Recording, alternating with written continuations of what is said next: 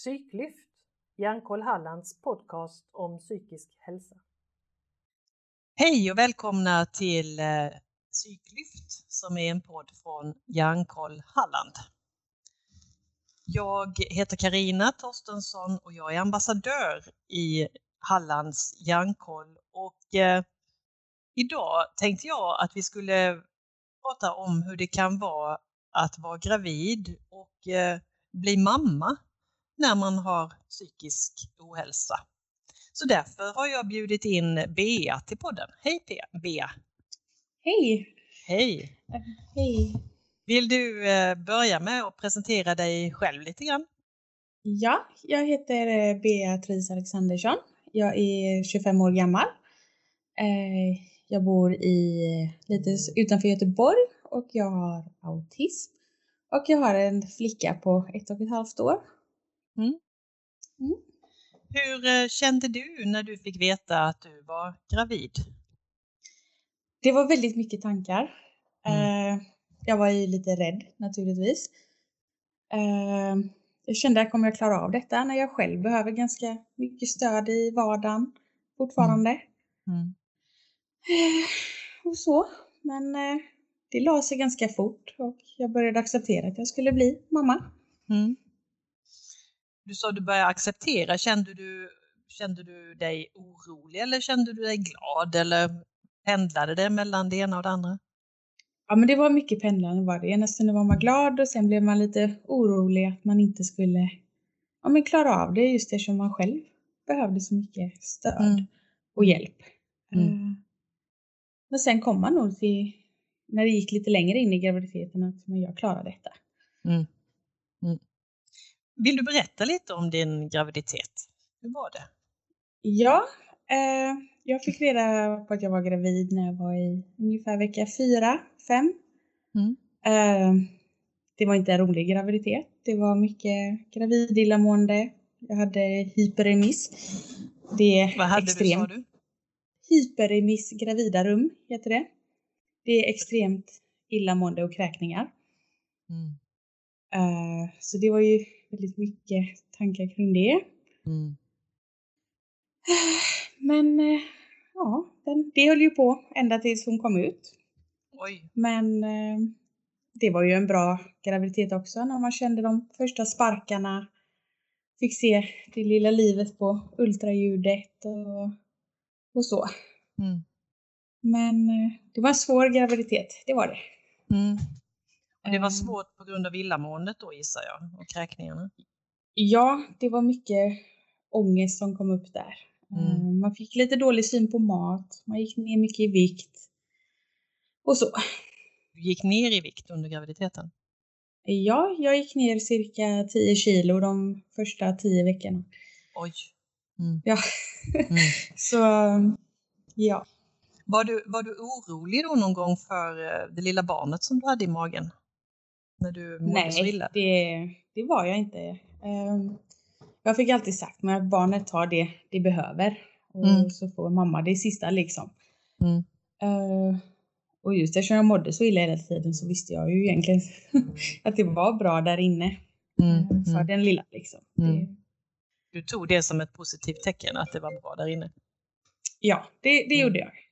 Man behövde inte oroa sig för missfall eller, eller så. För mådde ju illa dagligen. hur, hur tyckte du att eh, du blev bemött sen när du kom till mödravårdscentralen? Jag blev ju inte bemött så jättebra.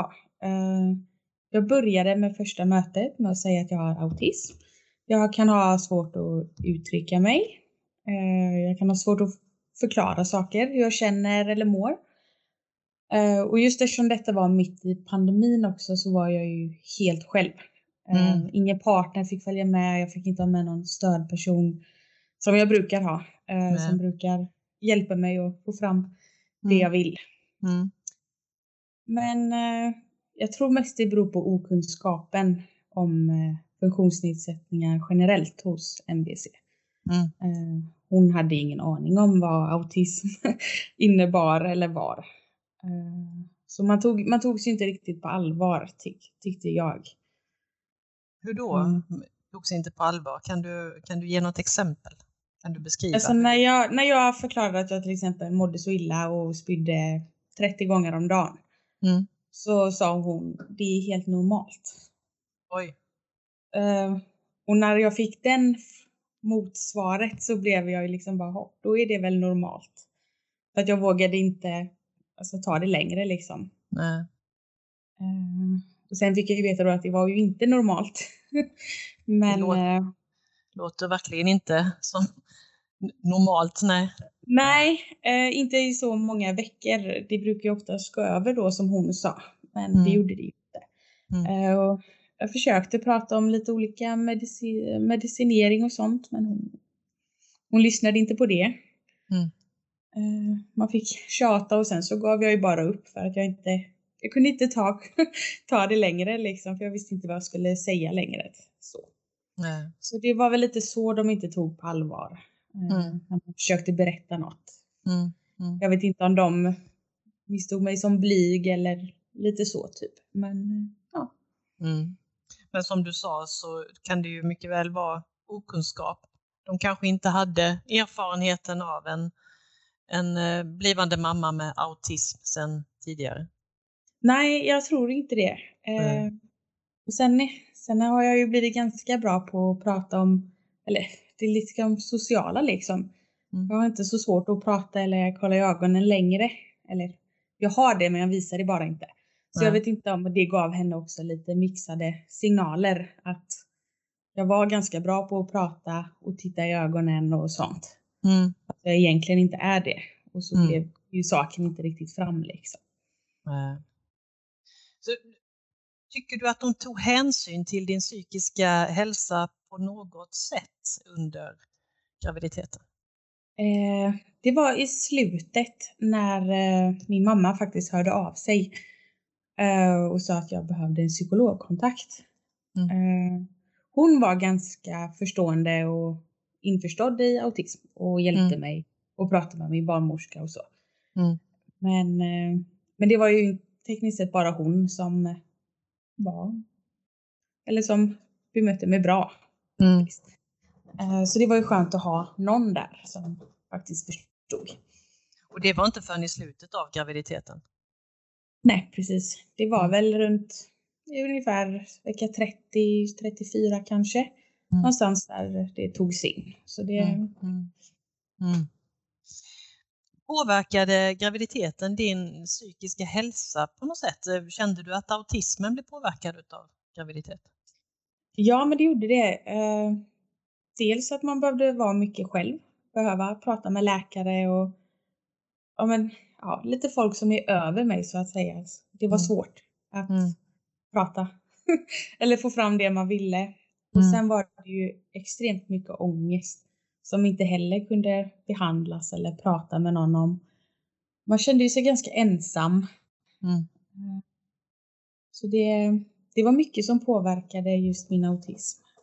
Så du, så du kände egentligen att du, du mådde inte bara illa genom kräkningar utan du mådde faktiskt också sämre i din autism under graviditeten?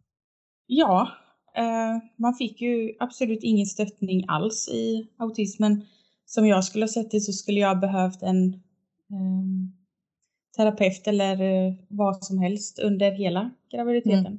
Mm. Mm. Eh, mm. Men det, det, fick man ju inte något erbjudande om heller. Nej. Eh, så man behövde hantera mycket själv.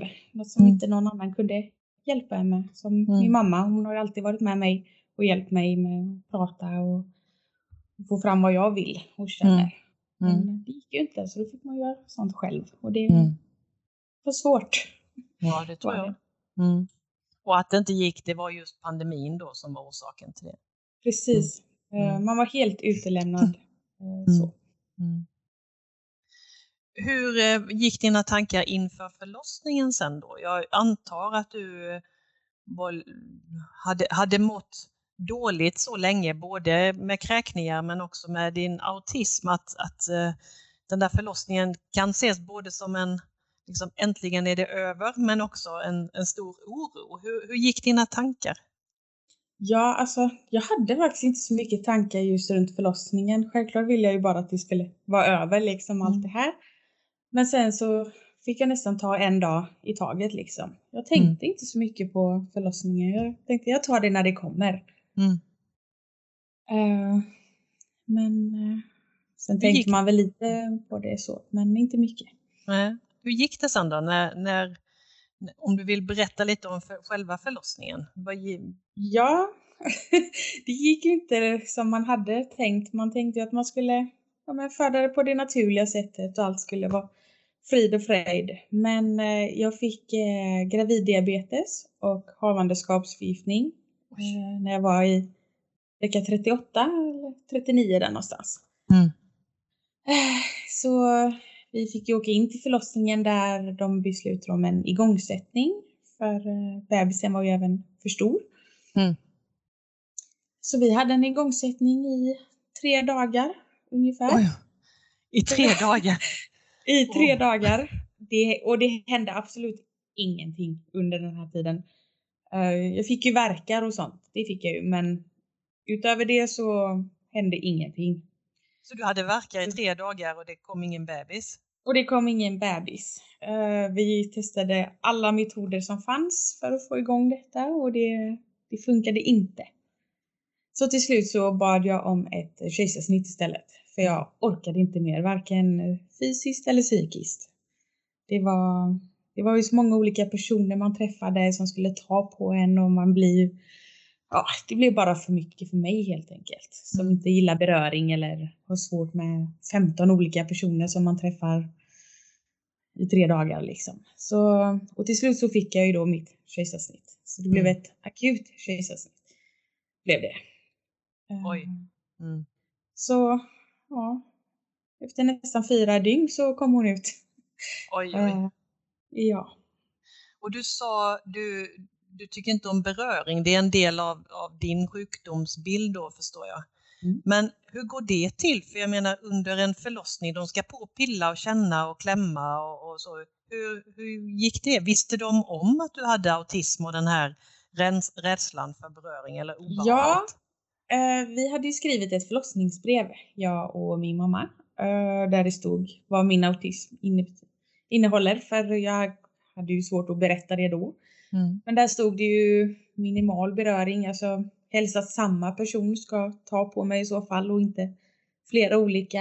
Eh, att man skulle vara tydlig vad som skulle hända och vad som kommer att hända och så liksom. Mm. Men det, det togs ju inte någon hänsyn till heller. Eh, Det var olika personer varje dag. De tog och klämde och gjorde säkert fem, sex undersökningar per dag där nere. Eh, Mm. Så det, det, var, det var svårt var det. Ja, det förstår jag. Men hade de inte läst ditt brev? Jo, det hade de, för jag frågade när det var färdigt sen. Och det hade de, men eh, de sa att de hade så mycket att göra så de kunde inte ta hänsyn till allas behov. Mm. Så, så det, Ja. det var det. Mm, det var det ja. Och sen blev det ett akut snitt efter mer än tre dygn då? Mm. Ja. Var, du, var du på sjukhuset hela tiden under de här tre dygnen? Ja. Mm. Eh, vi fick även, eh, sammanlagt var vi på sjukhuset i fem dygn tror jag och sex dagar. Och då fick vi även vara i samma rum. Man fick ju inte gå utanför rummet. Man fick inte gå ut, man fick inte gå och sätta sig i den här lilla samlingsplatsen som fanns och fika och sånt, utan man fick bara vara på sitt rum. Och Mm. det var ju också väldigt påfrestande att se samma väggar i fem dagar. Ja, det förstår jag. Det förstår jag. Och, och sen kommer det ut en, en liten bebis eh, efter ett akut snitt. Och, och vad, vad hände sen? Alltså, hur, hur kände du då? Det tog, alltså det var faktiskt svårt var det. Det tog nästan två dagar innan jag kände att det här var min bebis. Mm. Eh, Jag fick ju bara träffa henne en snabbis på bröstet när de sydde ihop mig. Eh, Och sen fick hon vara med sin pappa. Och sen, eh, ja. Ja, jag mådde så dåligt. Jag hade inte ätit på två, tre dagar. Eh, Det var knappt så att jag ville hålla i henne efteråt. Det låter hemskt. Nej, men det, Men, det, men så var det. Jag fick inte riktigt någon koppling till henne förrän egentligen vi kom hem. Mm. Det var lite problem med amningen och sånt för hon ville inte riktigt ta och så ska ju folk vara där och klämma och dra och hjälpa Ja. och det blev, det blev nog bara för mycket just på själva BB-tiden. Mm. Så för dig var, var BB-tiden inte någon positiv upplevelse egentligen? Nej. Nej. Nej, inte alls. Men när du fick upp eh, din dotter på bröstet, eh, kände du någonting av det här eh, att det är jobbigt med beröring av hennes, hennes närvaro på ditt bröst också? Nej, inte då. Eh, det var sen när vi skulle börja amma. Jag kände så. Jag fick ganska starkt illamående och kände bara usch, nej. Det här vill jag inte. Men det försvann när vi kom hem. Mm. Och vi var hemma i en lugn miljö och bara hon och jag liksom. Mm. Då, då gick det hur bra som helst. Och det kan jag ju tänka mig att då tyckte hon också att det var enklare att, att äta och Ja. amma. ja, hon kände väl att jag stretade emot lite också liksom. Att det Mm. inte så. Men Mm. det, det har ju löst sig. Mm. Hur, hur var det att bli mamma då? Vad blev det som du hade tänkt dig? Det blev inte riktigt som jag hade tänkt mig. Jag hade ju föreställt mig det värsta, att de skriker hela tiden och inte sover och, och det här. Men eh, hon var livets bebis. Hon var så snäll Mm. eh, att jag inte skulle heller kunna tyda hennes eh, signaler eller så när hon behövde något. Men det, hon, var, hon var perfekt. Hon sa till när hon var hungrig, hon sa till när hon var trött. Och sen var hon bara oftast nöjd. Eh, var sällan ledsen. Eh, så det, det blev ju mer än vad jag hade tänkt mig. Mm. Hon, var, hon, hon var verkligen sin mammas bebis då. Hon, ja, hon svarade på dina Mm. signaler och du svarade på Ja. hennes. Ja. precis. Eh, Det var så enkelt att följa henne. Jag visste precis vad hon behövde. Det var enkelt var det. Mm. Mm. Så det var extremt skönt för jag hade ju verkligen tänkt mig det värsta. Liksom. Mm. Mm, Så det, det var skönt. Tror jag det. Vad, vad är den största utmaningen med att bli förälder eller vara förälder tycker du? Med autism tänker jag då, eller psykisk ohälsa? Ja, ehm, alltså jag tycker det största är att man måste ge 100% av sig själv till någon annan hela tiden. Eh, man får liksom sätta sig själv lite sist och så barnet först. Mm. Jag som är van vid att gilla att vara själv och det ska vara tyst och ingen tar på mig. Och Mm. det blev den största utmaningen för mig, att hela tiden ha någon som är så beroende av mig. Eh, blev det. Och som klänger på dig också kan jag tänka. Ja, hon är ju väldigt mammig. så, eh, Barn är ju det är ofta. ju, ja, hon är ju väldigt, eh, väldigt mycket närhet. Vill Mm. hon ju alltid ha. Mm. Och det, det kan bli lite jobbigt för mig som har så svårt med beröring. Det är inte jobbigt med henne, men ibland kan det ju bli lite för mycket. Mm. Eh, och så det är inte alltid man kan vara själv liksom hela tiden. Nej. Så det tycker jag är det svåraste Mm. fortfarande än idag. Det är att Mm. man måste sätta sig själv sist hela tiden. Mm. Tror du att det kommer att ändra sig eller eh, hur hanterar du det? Alltså, jag- tar det dag för dag. Eh, Mm. Jag tänker att det är ju så här det är att vara barn liksom. Mm. Jag, får, jag får vänja mig liksom. Mm. Jag får Mm. lära mig att det, det är så här det funkar liksom. Mm. Har du, har du eh, behövt markera eller eh, visa din dotter på något sätt att du behöver lite space eller lite lugn och ro eller någonting? Eller har det, det löser sig av sig själv? Alltså det löser sig ganska bra av sig själv. Eh, hon är fortfarande ganska bra på rutiner och tyda andra också. Mm. Eh, när hon märker att jag börjar bli lite sur eller irriterad, då går hon faktiskt därifrån och leker själv en stund. Mm. Barn är väldigt eh, smarta, så är det ju. Ja, hon är väldigt uppmärksam faktiskt. Ja, för ja. att vara så ung. Men eh, hon har lärt sig lite att ibland behöver mamma vara själv. Sitta i soffan en stund och bara sitta och då går hon och leker själv. Eh, Mm. Så det, det har varit skönt. Mm. Vissa dagar behöver hon ju mer närhet än andra. Mm. Eh, Men det, det löser sig. det gör det. Ja, det låter härligt. Eh, nu hade jag ju tänkt att fråga dig om du kan tänka dig att skaffa fler barn. Men Mm. precis n- när vi, när vi började eh, samtalet inför den här intervjun så berättade du att du, det kunde du visst, du är redan gravid med ditt andra barn. Ja, ehm, när min eh, dotter kom hit första gången så sa jag aldrig igen. Mm. Det var det första jag sa till läkarna. Ehm, Det säger nog det- de flesta mammor tror jag. jag tror det. Ehm, men det har ju gått över. Vi hade ju visserligen tänkt att vänta lite till liksom.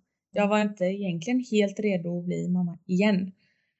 Eh, det känns som man precis har liksom landat i någon sorts stabil tillvaro. Mm. Mm. Eh, Men nu blev det ju oplanerat. Men eh, jag tänker jag klarar detta med. Eh, Det ska nog gå bra. Mm. Känner du att du har andra förutsättningar nu inför andra graviditeten än du hade den första gången? Jo, men det tror jag. Första gången visste jag ju inte så, så mycket. Eh, eller vad jag kunde ställa för krav eller medicinering och sådana grejer. Och nu, nu vet jag ju det. Nu Mm. kan jag ju vara lite hårdare eh, mot mig själv och mot dem. Mm. Och faktiskt eh, se till att de följer min vårdplan som jag vill ha. Mm. Mm. Mm. Jag klarade det förra gången så då klarar jag det nog nu med tänker jag. Det, det tror jag verkligen att du gör och nu finns det ju ingen pandemi som är i vägen heller så nu Nej, kanske du precis. kan ha med dig stödpersoner på samtal och annat. Ja. Uh, hittills har jag faktiskt inte haft med mig någon än. Man får. Men eh, ja, nej, jag har gjort det själv faktiskt och jag tänker att så ska det fortsätta tills det blir ja, men något jag inte klarar av. Men eh, jag tänkte att jag skulle testa själv den här gången med. Ja, det är otroligt starkt. Jag är, är jätteglad att höra din historia. Det, det tror jag att många som lyssnar på den här podden också känner sig stärkta av, som kanske är oroliga inför att eh, ja, bli gravid eller skaffa barn, just av de anledningarna som du beskriver. Ja, eh, det är ju mycket tankar och rädsla men man kommer igenom det faktiskt. Eh, Mm. Man behöver bara tillräckligt mycket stöd från familj och partner och, och sånt. Så, Mm. så klarar man det bättre än vad man tror. Ja, och det är så härligt att höra dig säga också att eh, det blev, du hade föreställt dig det värsta och det blev så otroligt mycket bättre än vad du kunde föreställa dig att vara mamma. Det låter ju Mm. härligt, tycker jag. Ja, det, det har varit underbart har det varit. Mm. Det är mycket utmaningar, det är det. Men man tar sig förbi dem. Mm. Och så en, en fråga till slut också då om jag frågade ju tidigare om, om din eh, autism påverkades av din graviditet. Men hur känner du att din psykiska hälsa har påverkats av att bli mamma? Ja, det har ju också påverkats mycket just över mina egna behov. Eh, att vara ensam eller inte beröring. Det är mycket möten som man ska hålla koll på. Det är sömn som alltid har varit väldigt viktigt för mig. Jag har alltid behövt sova mycket för att orka dagen. Mm. Det, det får man putta lite åt sidan också. Mm. Det, det, det har påverkat jättemycket men det har ju även gjort mig mycket starkare i min autism. Att jag, den ska inte liksom sätta hinder längre utan den är mer en tillgång nu. Eh, Jag tänker på ett annat sätt nu. Mm. Så det, det är bara en positiv grej, Mm. tycker jag. Härligt att höra. Eh, är det någonting annat som du eh, vill berätta om graviditeten eller förlossningen eller att vara mamma som jag inte har frågat om? Nej, det är väl bara att man ska våga be om hjälp, Mm. tycker jag. Jag gjorde inte det. Eh, och det blev ju en jobbig graviditet och förlossning. Hade jag bara sagt att nej, jag vill inte det här så hade det ju kunnat sluta på ett helt annat sätt. Mm. Jag tycker bara man ska be om hjälp och säga vad man tycker, även fast det är jobbigt. Mm. Kloka ord.